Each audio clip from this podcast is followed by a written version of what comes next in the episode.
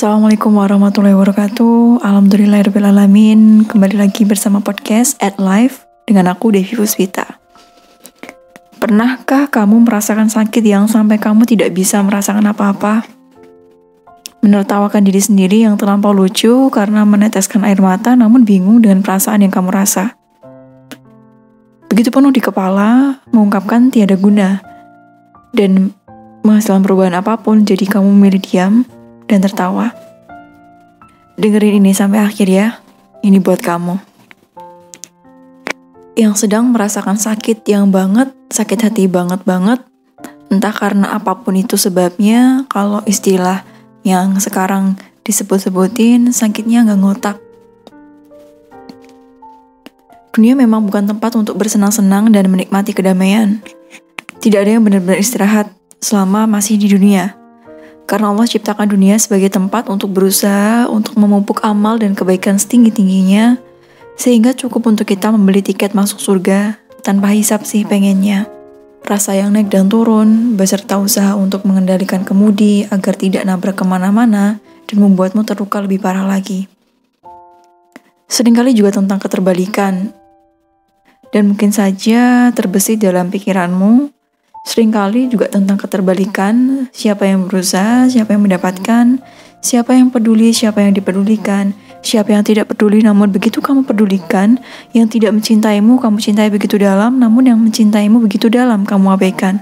Terlepas dari rasa sakit yang gak ngotak menurut kapasitas diri, aku dan kamu saat ini. Coba ingat ini. Apakah kamu mengira bahwa kamu akan masuk surga padahal belum datang kepadamu cobaan sebagaimana halnya orang-orang terdahulu sebelum kamu? Mereka ditimpa oleh malapetaka dan kesengsaraan serta digoncangkan dengan bermacam-macam cobaan. Sehingga berkatalah Rasul dan orang-orang beriman bersamanya, Bilakah datangnya pertolongan Allah, ingatlah, sesungguhnya pertolongan Allah itu amat dekat. Quran Surat Al-Baqarah ayat 214 yang kamu bisa buka sendiri. Aku tidak akan membagikan penyebab rasa sakit diri kepadamu. Sesuaikan saja dengan rasa sakit yang kamu rasakan saat ini, karena aku tidak ingin kamu memiliki bahan perbandingan lalu menghakimi rasa sakitmu atau orang lain dalam kategori halah gitu aja lebay atau drama banget sih atau kasihan banget dia I don't want it.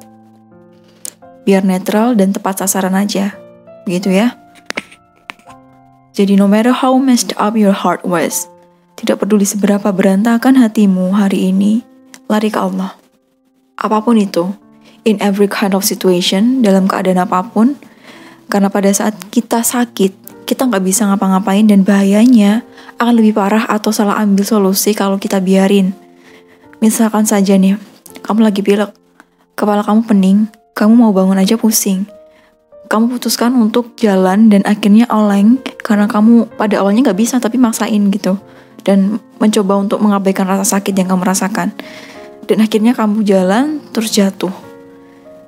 Jadi kamu butuh orang entah itu orang tua kamu atau teman yang jagain kamu gitu kan ya. Begitu juga sakit dalam hal ini adalah hati kamu. I mean, jadi maksud aku rasa kecewa, termasuk rasa sedih, marah, dan lainnya. Kamu butuh bantuan Allah dalam kondisi apa pun, apalagi dalam kondisi saat ini. Allah tahu yang terbaik buat kamu itu seperti apa. Allah yang punya hati kamu, Allah yang memberikan petunjuk kepada kamu, kalau kamu mau lari ke Allah dan minta pertolongan kepadanya. Allah pasti bantu. Pasti. Bukankah kami telah melapangkan untuk dadamu, dan kami telah menghilangkan daripadamu bebanmu yang memberatkan punggungmu, dan kami tinggikan bagimu sebutan namamu karena sesungguhnya sesudah kesulitan itu ada kemudahan. Surat Al-Insyirah, lalu kita ingat lagi, surat Al-Baqarah ayat 214 tadi. Terlepas apa pun masalah yang kamu hadapi saat ini, aku tahu itu tidak mudah. Justru karena itu, Allah jaminkan surga di tempat yang tidak akan lagi ada rasa sakit. Tidak akan ada lagi rasa sakit. Bersabar dan berikan yang terbaik untuk hari ini ya. Selama Allah masih beri kita kesempatan untuk bernafas detik ini. Karena tugas kita bukan memastikan diri sampai tujuan, namun dalam perjalanan menuju tujuan, kita memberikan yang terbaik, meskipun masih ada keraguan. Apakah ini sudah cukup? Apa pun itu, usahakanlah, berdoalah, karena Allah yang menilai, bukan diri kita. bukan kita. Berdoa saja, berdoa saja, berdoa saja, dan berusaha saja. Semoga membantu. Insya Allah, sampai jumpa di next podcast atau next video. Bersama aku Devi Fusvita. Wassalamualaikum warahmatullahi wabarakatuh. Terima kasih ya udah dengerin sampai akhir.